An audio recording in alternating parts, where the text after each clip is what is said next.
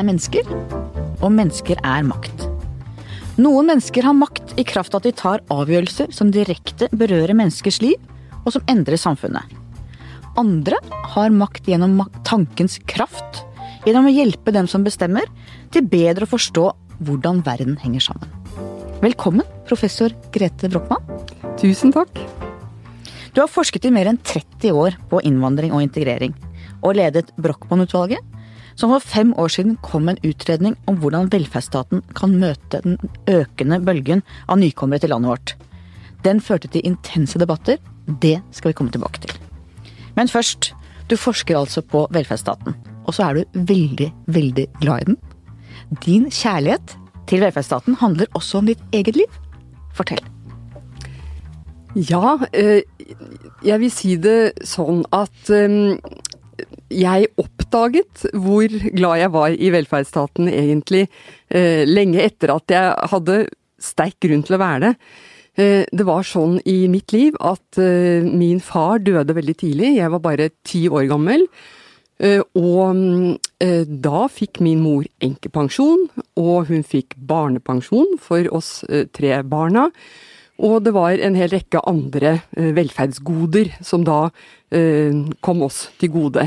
Og da jeg begynte å bli velferdsforsker senere i livet, så oppdaget jeg at alle disse ordningene som på mange måter reddet vår hverdag, de var på plass bare rett før faren min døde.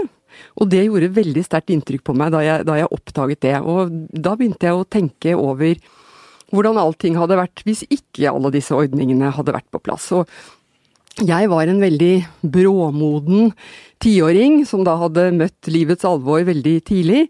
Og det gjorde at jeg, at jeg tok sikkert altfor mye ansvar. Og jeg var veldig eh, informert og ble innforlivet av min mor når det gjaldt alle disse velferdsordningene som, som skulle hjelpe oss gjennom en vanskelig tid. Du visste når barnetrygden kom, du visste ja. overgangsstønad, du visste mye teknikaliteter som antagelig ingen andre tiåringer i Norge visste om da? Nei, Det tror jeg sikkert er riktig. Og, og det som man eh, veldig knotete i dag kaller for virkemiddelapparatet, altså det, det kunne jeg. Og du tok tidlig ansvar, som du sier. Tenker du på det når du eh, jobber f.eks. med spørsmål rundt innvandrerfamilier, hvor barna må bidra som tolker, hvor barna er de som må oversette storsamfunnet for sine foreldre? Kjenner du deg igjen på noen måte? Altså, jeg har vel ikke egentlig eh, hatt den typen assosiasjoner når jeg har eh, holdt på med, med, med, med det, dette, men, men, det er klart at eh, det er veldig mange barn av innvandrere i Norge i dag som, som får også altfor mye ansvar altfor tidlig. Og altså, de, de, opererer som tolker, og de må sikkert bistå foreldrene sine fordi de kjenner kodene i Norge bedre enn foreldrene.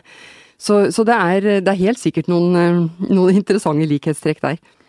Moren din ble jo enke i ung alder, og da dere barna ble større, så begynte hun å jobbe. Hva gjorde hun da?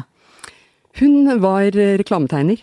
Så hun begynte da i et eh, reklamebyrå. Hun hadde vært husmor i mange år mens min eh, far levde. Og så måtte hun, og ville hun, tilbake igjen i, arbeidslivet da, da, min yngste bror var gammel nok som, som hun så det. Og hva betydde det for den lille familien deres at hun faktisk begynte å jobbe? Jeg tror det var veldig viktig. Altså, det, det, var jo like viktig den gangen på mange måter som det er i dag, å komme seg ut. Ikke, ikke bare holde på å jobbe, jobbe i hjemmet, som, uh, som det het. Uh, og så er det klart at det, det betydde noe for hele familien at, at hun ble aktivisert. Forskningen på fattigdom er jo helt entydig. Hvis én i husholdet kommer ut i jobb, så kommer familien ganske raskt ut av fattigdom. Jobb er nøkkelen. Og det var jo også gjennomgangstonen i den første Brochmann-rapporten, som kom i 2011. Skal vi berge velferdsstaten, så må de som kommer hit, jobbe. Og jeg husker nemlig godt da det utvalget ble satt ned. For jeg satt om morgenen og så på denne NTB-oversikten, menyen Hva skjer i dag? Så så jeg nå skal dette utvalget settes fram som ser på velferdsstatens møte med innvandring og immigrasjon, og tenkte dette må jo være det viktigste utvalget som er satt ned på år og dag. Dit må jeg skynde meg og rekke å komme fram dit. Og så kom jeg litt seint. Så jeg sto nede i vakta og banna for meg sjøl og tenkte nå går jeg liksom glipp av alt. Dette er jo forferdelig. Og endelig ble jeg henta opp, og der var det ingen journalister. Men der satt du og statsråden og statssekretæren, departementsråd, det var en hel rekke av folk på den ene siden av bordet. Og da satt jeg på den andre siden. Var, husker du det? Altså, Jeg husker det ikke, men jeg, eller jeg husker det når du sier det. Fordi det var, det var veldig overraskende på en måte. For jeg følte jo at dette her var et, et litt skjellsettende oppdrag. Og, og jeg, jeg, var klar over at det kunne bli veldig vanskelig som oppdrag. Og så var det ikke noe interesse for det, tilsynelatende. Det har du helt rett i, at det var veldig overraskende. Det er den rareste pressekonferansen jeg har vært på noen gang, tror jeg. Ja. Der satt jeg midt i matfatet og hadde liksom hele eh, toppkompetansen ja, og ingen konkurrenter. Men Nei, nettopp. Men, men eh, det var noe litt underlig ved det der, også mens vi holdt på. Eh, det har jo vært veldig mye mer interesse nå mens vi holder på med, med, et nytt lignende utvalg, enn det var underveis forrige gang. Og jeg husker også eh, da da vi skulle levere vår innstilling, så hadde jeg skrevet en kronikk som jeg da tilbød en, jeg skal ikke nevne navn, men et, et sentralt avisorgan i hovedstaden. Nede i kjelleren her? Eh, og det, det kan være. Eh, og de var ikke interessert. Mm. Eh, og, sånn at jeg, jeg, sendte denne kronikken da til en annen avis, og, som tok den med en gang og var veldig interessert. Og det gjorde jo da at det var der debatten Eh, gikk. Eh, ikke bare, men, men kanskje mer enn, enn, i mange andre organer. Men så løsnet det jo, og, og det ble jo i overkant mye oppmerksomhet. Ja, følte du på noe tidspunkt at du ble litt omfavnet av eh, At det ble trukket for langt, og det ble omfavnet av krefter som du ikke nødvendigvis ville bli omfavnet av? Ja, sånn er det jo. Eh, og, og, man kan ikke som utvalgsleder komme løpende hver gang eh, en føler at eh, utredningen blir brukt på gale premisser. Da hadde jeg hatt e-, enda mer å gjøre enn det jeg hadde. Eh, så, så det, det, er jo sånn, som jeg har sagt en del ganger, at, at, når man har levert, så er utredningen løs i gatene. Og da, da mister man eh, et stykke på vei eierskapet, og, da, og sånn, sånn er det. Da bruker politikere og andre utredningen for sine egne formål. Det er som dikt eller en roman, at uh, i det det er levert, så eier ikke lenger forfatteren tolkningen av det. Nei, det er sikkert en parallell der. Men det dere jo leverte fra dere, var jo en forskningsbasert og nøktern gjennomgang av hvilke utfordringer vi står overfor i en tid med stor innvandring til Norge. Og erkjennelsen kom jo også med dette utvalget av at vi har langt mindre nasjonal styring med velferdsstatens ordninger enn vi trodde, blant annet EØS-avtalen og internasjonale menneskerettighetskonvensjoner. Og i dette nye utvalget du har nå, så er dilemmaene det samme. Hvordan skal vi få nykommerne inn i arbeid? Ja, det er det store spørsmålet, og det, det, er jo noe etter hvert eh, jeg tror nesten alle er eh, enige om. At det er ekstremt viktig. Eh, det var ikke like stor enighet rundt dette her på et tidligere tidspunkt, men jeg tror det har vært en av en av de bidragene det første utvalget mm, hadde til norsk samfunnsdebatt, det er å, å understreke betydningen av at, at, folk kommer i arbeid. Og så er det selvfølgelig et spørsmål om, eh, om, faktisk om det er arbeid til folk som kommer med den typen lave kvalifikasjoner som vi veldig ofte snakker om, når, særlig når det dreier seg om flyktninginnvandring. Ja, Vi ser jo Tyskland. De tok imot mange for de mente at dette trengte arbeidslivet, og nå har jo de erkjent at det er ikke den kompetansen nødvendigvis de trenger.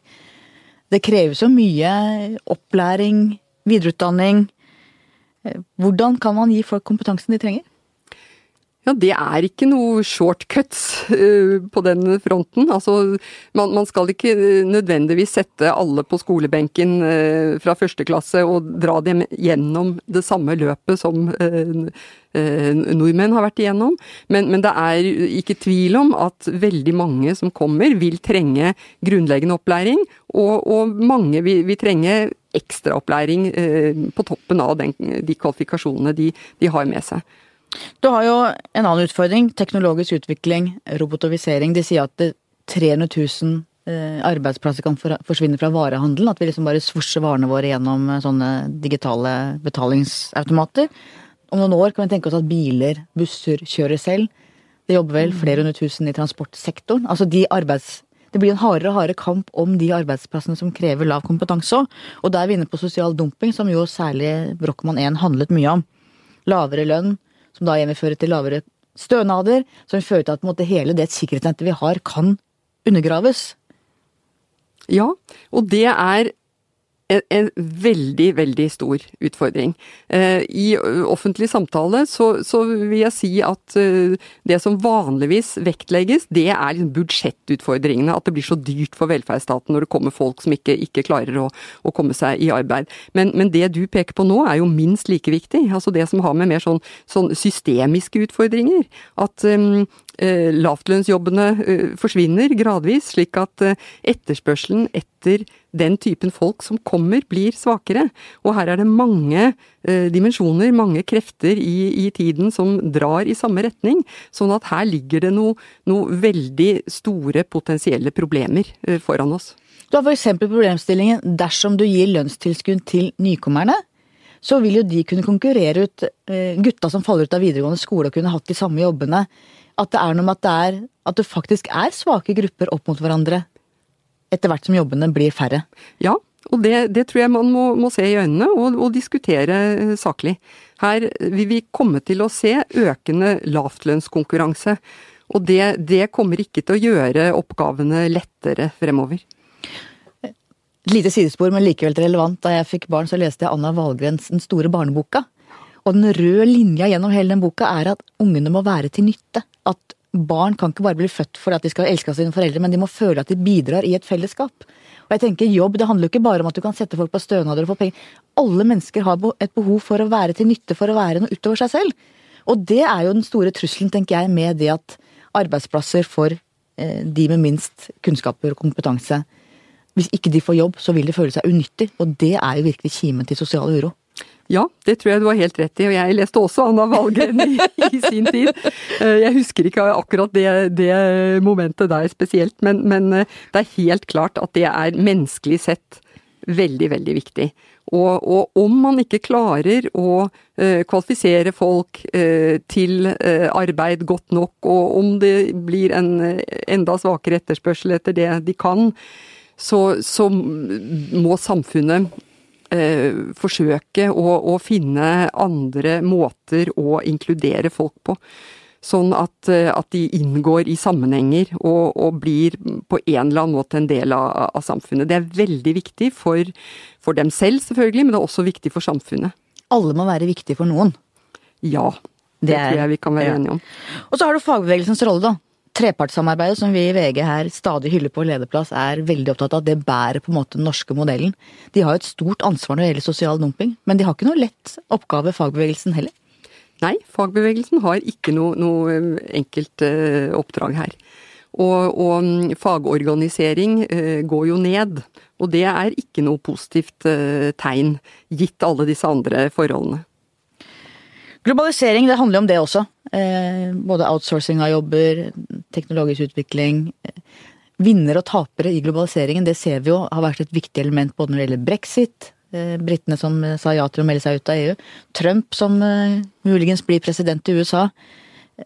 Har vi snakket nok om vinnerne og taperne? Har vi tatt det nok på alvor? De ulikhetene som følger, og at noen som har vært tidligere i en privilegert posisjon, mister en posisjon? Nei, jeg tror ikke vi har snakket nok om det. Og jeg tror det kommer til å bli veldig mye mer snakk om dette fremover. Eh, det har vært ofte, syns jeg, en tendens eh, i offentlig debatt eh, til at, at, mange kommer og sier man skal ikke sette svake grupper opp mot hverandre, og det er en god grunnregel. Men, men når det er slik at svake grupper står opp mot hverandre, så må man i det minste ta en saklig eh, diskusjon om hva dette innebærer, og, og hva man kan gjøre for å, å eh, dempe de, de, verste utslagene av dette. Og det er jo truende ting som venter. Du ser nå, eh, var det nylig delstatsvalg i Tyskland, hvor eh, Alternativ for Deutschland, altså dette høyreekstreme partiet, ble større enn Angela Merkels parti. Jeg kjente at det søkk i magen min da den meldinga tikka inn på mobilen min. Det er jo et Europa som er i endring? Det er helt åpenbart, og, og dette er jo veldig foruroligende trekk. Og, og, det er en påminnelse om at eh, vanskelige spørsmål må snakkes om, og det handler selvfølgelig om veldig mye mer enn det også. Ja, absolutt. Arbeidsinnvandring, tilbake til Brochmann 1. Eh, stor innvandring, også arbeidsinnvandring, krever jo flere boliger, flere barnehager, flere skoleplasser. Og særlig i Oslo så skyldes jo mye av befolkningsveksten nettopp at det kommer flere innvandrere hit. Har de rett, de som sier at vinninga går opp i spinninga? I den forstand at arbeidsinnvandrerne til slutt, som man har sett i Irland, som nærmest bygger sine egne boliger, sine egne barnehager. Eller lønner det seg uansett? Jeg tror ikke man kan si at det lønner seg uansett, for det vil alltid være avhengig av en, en hel rekke eh, faktorer. Eh, så langt så, så, tror jeg ikke det er tvil om at eh, arbeidsinnvandringen har vært en stor gevinst for norsk økonomi. Det som blir den store testen fremover, det er jo hva som skjer mm, når det blir dårligere tider, når etterspørselen i arbeidslivet går ned, når lavtlønnskonkurransen øker, osv. Hva som da skjer hvis Eh, polakkene, lituenerne osv. i mellomtiden har brakt familiene sine til Norge og etablert seg. Vi ser jo tendenser eh, nå til at eh, det er uforholdsmessig høy arbeidsløshet blant EØS-innvandrerne i Norge, eh, når da arbeidsløsheten generelt går opp.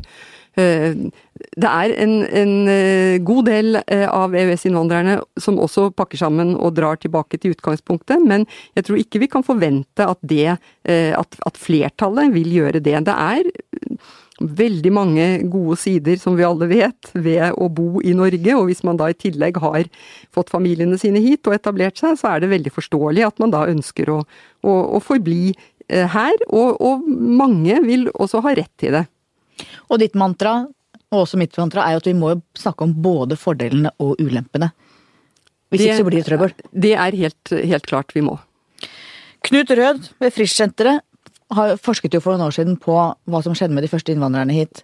Pakistanere de jobba veldig, veldig hardt noen år. Og så ble de selvfølgelig slitne og kom tidlig på uføretrygd. Ser du noen signaler eller tegn til at de nye innvandrerne fra EØS, altså polakker, eh, Estland, Litva, at de at det samme skjer med dem? Så Det er for tidlig å si, men, men eh, jeg tror det er noen paralleller i at veldig mange av EØS-innvandrerne som har kommet siden 2004, har jobbet veldig hardt. Eh, det er et likhetstrekk. Om, om alle de andre eh, elementene i, i dette forholdet vil være til stede, det, det er det for tidlig å si noe om. Vi må snakke om språk òg. Hvilke ord skal vi bruke? Jeg syns det er vanskelig. Jeg skriver jo mye om integrering, flyktningkrise, innvandrere. Og veldig mange av de som blir kalt innvandrere mange, er jo ikke det.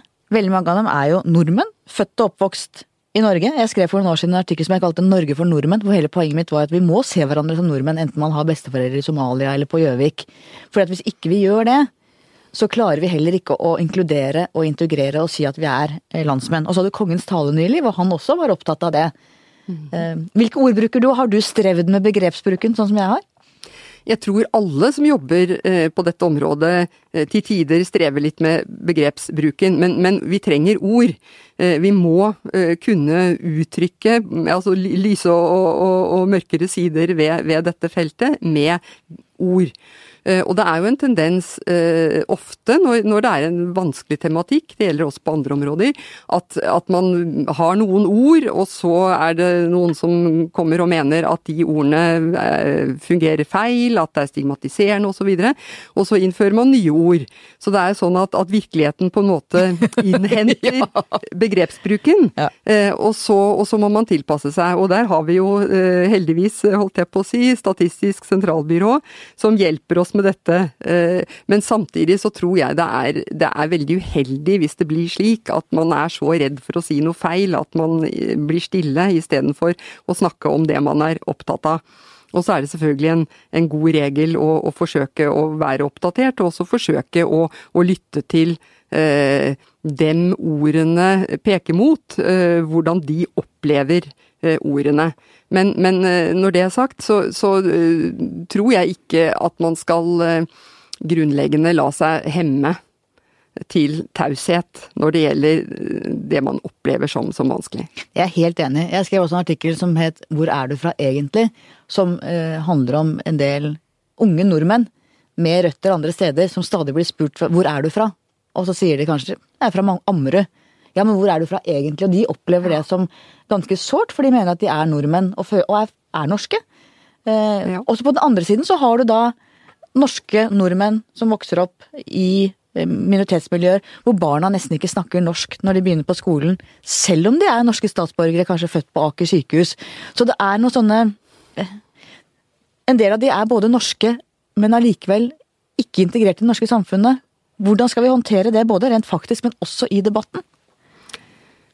Altså, det, det, spørsmålet 'hvor er du fra egentlig', altså det, det oppleves eh, antagelig eh, vanskelig fordi man har en følelse av at man, man eh, tilhører en, en, stigmatisert gruppe. Altså Jeg har jo selv bodd i USA i mange runder og aldri reagert på at folk eh, spør meg hvor jeg er fra, egentlig. Eh, fordi jeg ikke har følt at, at, den gruppen jeg tilhører eh, har noe som helst stigma. Så, så sånn tror jeg det er, og det, det må vi leve med. Men, men når det gjelder språkproblemene som, som du, du, nevnte, så, så, er det jo ikke noe lette eh, løsninger på, på eh, de problemene. Og det har jo med det vi snakket om tidligere å gjøre eh, også, at, at hvis, hvis, mor særlig, men kanskje også mor og far, eh, ikke er eh, aktive i arbeidslivet og ikke eh, deltar i sivilsamfunnet osv., så, videre, så så får jo også barna større problemer. Mm. Hvor mange innvandrere tåler vi? Altså, vi har jo nå Per 1000 innbygger har Norge flere enn både USA, Canada og Australia. Ligger vi egentlig på topp i verden? Dette er jo ditt felt. Ja, det er det. Nei, altså vi kan ikke gi noen sånn grense for hvor, hvor mange man tåler. Eh, men samtidig så tror jeg eh, flyktningekrisen i 2015 gjorde det veldig tydelig for alle at det er grenser for hvor mange som kan komme, og særlig i løpet av et kort tidsrom. Sånn at innvandringsraten er, er viktig. Og hvor ligger vi på statistikken der? Altså, vi ligger veldig høyt. Eh, Norge har jo, som, som, du sa, eh, ligget eh, helt i verdensteten når det gjelder innvandringsrate. Altså antallet som ankommer i forhold til befolkningstallet. Og, og, og, dette er jo en utvikling som har kommet de, de siste 20 eh, årene. Sånn at, at det er en, en, betydelig omstilling det norske samfunnet står midt oppi. Det er det ingen tvil om. Og det er jo ingen, nå er det jo kan ikke jeg komme på en eneste en i Norge som argumenterer for helt fri innvandring, så debatten handler jo veldig mye om hvor kontrollert den skal være, og hvor sterke innstrammingene skal være. Og egentlig, hvis du ser på majoriteten Eh, av det, av det, politiske Norge, så er jo de fleste enige om hovedlinjene. Likevel ser vi at det er en veldig polarisert debatt. Ja, eh, men altså interessant nok så vil jo jeg si at i det store og det hele så har, har jo de politiske partiene vært veldig enige i, eh, siden denne innvandringen begynte, om hovedtrekkene i innvandringspolitikken. Særlig Høyre og Arbeiderpartiet har jo vært den bærende, ansvarlige aksen i dette. Ja, det, det, det, er jeg helt enig i. Eh, samtidig så har innvandringstematikken vært en partipolitisk kampsone siden slutten av 80-tallet. Eh, da innvandring ble såkalt politisert, altså da det ble et tema i, i, i valgkampen. Og Fremskrittspartiet eh, begynte å, å, få et eierskap til denne tematikken, og, og var de som da profitterte på at man faktisk diskuterte innvandring i norsk offentlighet. Jeg legger jo linja i VG på hva vi skal mene, eh, og vi har vært opptatt av her at du må ta at begge sider i debatten har veldig gode poenger og veldig dårlige poenger. Jeg mener at venstresidas opptatthet av inkludering, integrering, det å legge til rette er veldig bra. Samtidig som den andre sidas opptatthet av å stille krav, slå fast hvilke verdier vi skal stå på, er veldig riktig. Og jeg skulle på en måte ønske at man klarte å legge til side det mest sånn spisse polariserte og si at jo, men hvordan skal vi forene dette, hvordan skal vi gjøre det på en måte som fungerer bra, både med krav og tydelige verdier, og med en veldig sterk vilje til integrering. Jeg er sikker på at du er helt enig. Dette er jo mandatet til det utvalget jeg leder nå. Det er å finne en, en best mulig løsning på det du beskriver eh, her. Og, og så er, er det jo et ekstremt vanskelig landskap, dette her. Og det fins ingen eh, entydig gode løsninger noe sted. Sånn at man må, må finne noen, noen, pragmatiske og best mulige løsninger.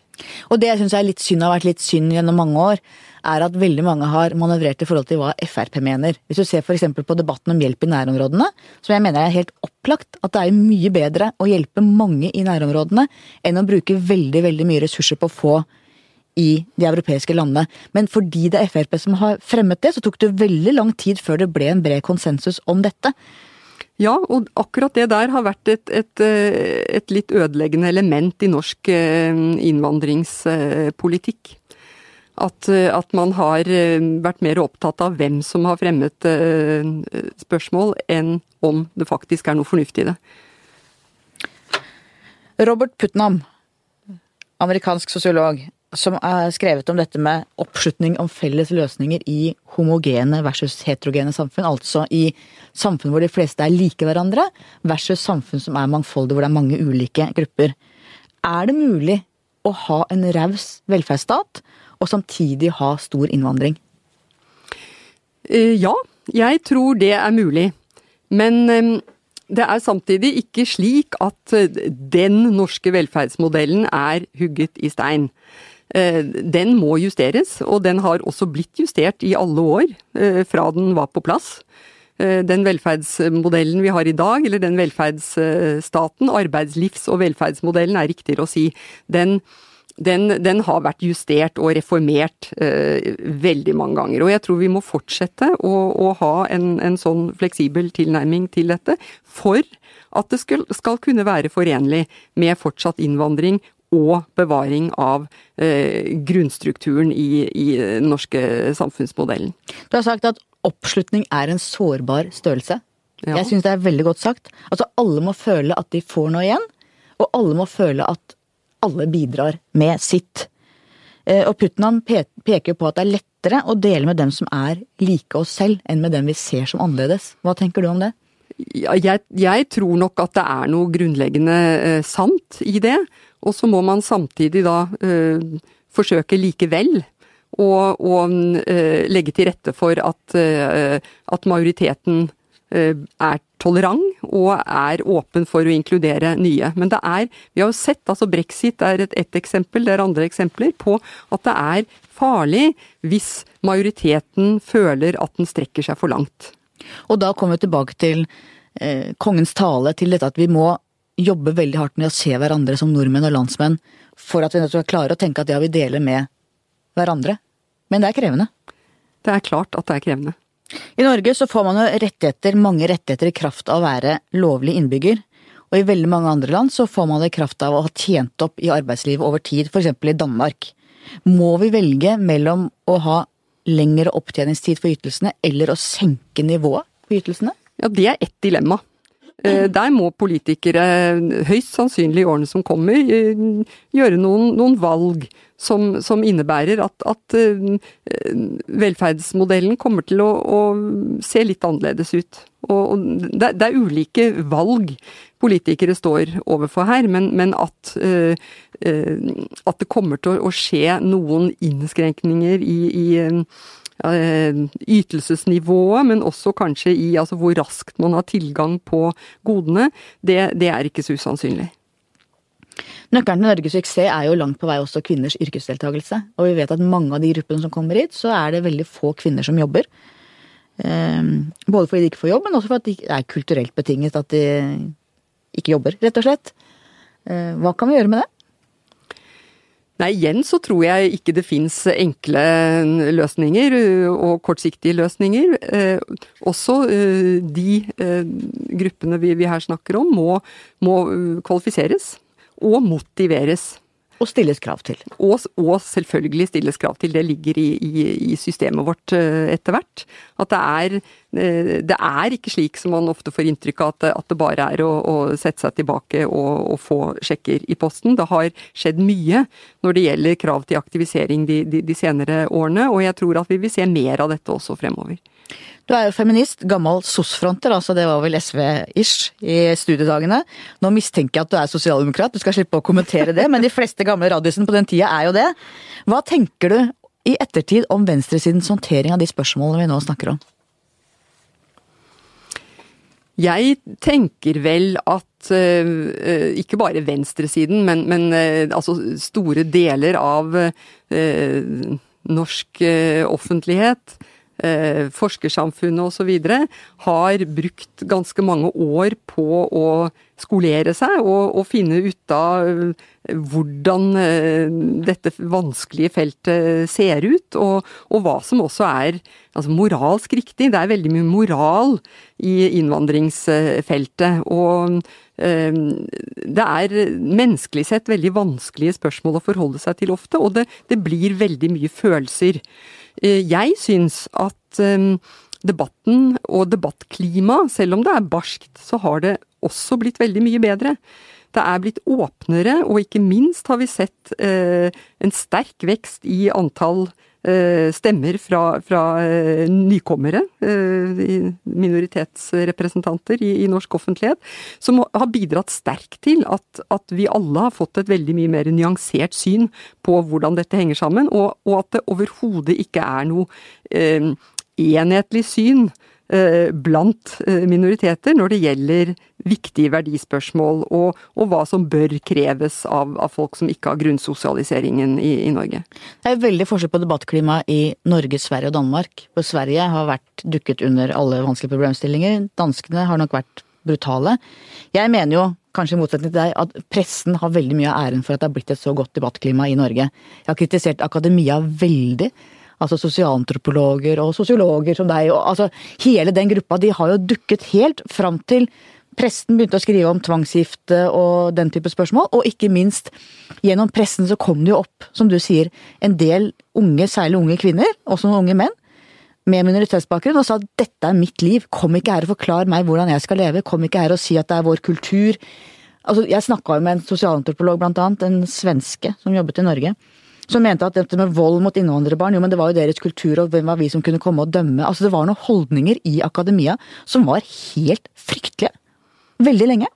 Ja, men jeg tror jeg er langt på vei er enig med deg, at, at pressen skal ha en god del av æren for, eh, for, at det har blitt et åpnere debattklima. Men, men, eh, det er jo som alltid et samspill mellom veldig mange ulike faktorer, og det er noe med virkeligheten selv her som, som har presset seg på, og som har gjort at eh, de aller fleste som, som holder på innenfor dette svære området, innser at det er tunge dilemmaer rundt hver sving. Og hvis man skal være ærlige, og hvis man skal være altså, gode forskere, nysgjerrige, eh, bruke tvilens metode og ikke ha svarene i utgangspunktet, så, så, så, vil man måtte innse at dette her er, dette er eh, tunge eh, motsetninger og store utfordringer for det norske samfunnet, og man må snakke om det. Mm. Mitt mantra er åpent sinn, og sunn skepsis. Det er en god ledesnor i hvert fall for eh, journalister, og sikkert for forskere òg. Litt om islam til slutt, religionens plass i dette. Hva tenker du om det? Jeg eh, kommer jo selv fra en eh, helt ikke-religiøs familie. Slik at jeg, jeg, hadde jo ikke noe forhold til religion i det hele tatt før jeg begynte på skolen. Og, og det ble jo da massivt endret i løpet av kort tid, slik skolen var på 60-tallet da jeg begynte. Jeg er i dag eh, overrasket, jeg har blitt overrasket over hvor kraftfullt religion har kommet tilbake i norsk offentlighet. Det var vi feministene på, på 70-tallet trodde jo overhodet ikke at noe slikt ville skje. Vi trodde tvert imot at religion var noe som ville forsvinne med moderniteten. Og vi, vi syntes jo det var bra, for vi, vi så jo liksom alliansen av eh, patriarkalske krefter og, og norsk eh, kristelighet som svært uheldig, og som noe vi måtte bekjempe med nebb og klør. Eh, sånn at det ble jo, for, for venstresiden så ble det jo en spagatt, dette her, når, når, man plutselig, eller ikke plutselig, men gradvis skulle begynne igjen å bli veldig åpen for at ganske reaksjonære holdninger eh, i religiøse grupper skulle få lov å leve i Norge. Eh, det var, det var, nok eh, litt sjokkerende på en måte, og så, og så kom jo hele dette emosjonelle trykket inn da, som fulgte med alt som hadde med innvandring å gjøre, og plutselig så, så skulle man bli man skulle nærme seg dette her med andre typer holdninger enn de vi hadde anvendt overfor Kristen-Norge. Og hva tenker du om Kristen-Norges plass i lys av dette nå i dag? Nei, altså I og med at, at, religion har kommet så tungt inn på dagsordenen igjen i Norge, så, så er jo det som, noe som også berører og er veldig relevant for folk som er eh, kristne i Norge. Altså de, På en måte så får de konkurranse, men på en annen måte så, så profitterer du jo også på at det er blitt et, et større spillerom for religion i offentligheten. Tenker du fortsatt at det er en motsetning mellom eh, modernisme og religion? Altså, det er jo ikke tvil om at det er en motsetning eh, der når det gjelder en hel rekke spørsmål. Hvis folk er så styrt av religion at de, at de blir grunnleggende hemmet i sin livsutfoldelse, og, og, at de pålegger andre å la seg hemme i sin livsutfoldelse, så, så er det klart at det er en, en motsetning. Men, men, det må ikke være sånn. Det er, det er helt opplagt at det også er veldig gode krefter man kan forbinde med, med, ulike religioner. Og jeg tror de, de, fleste religioner har også veldig positive eh, etiske eh, elementer i seg.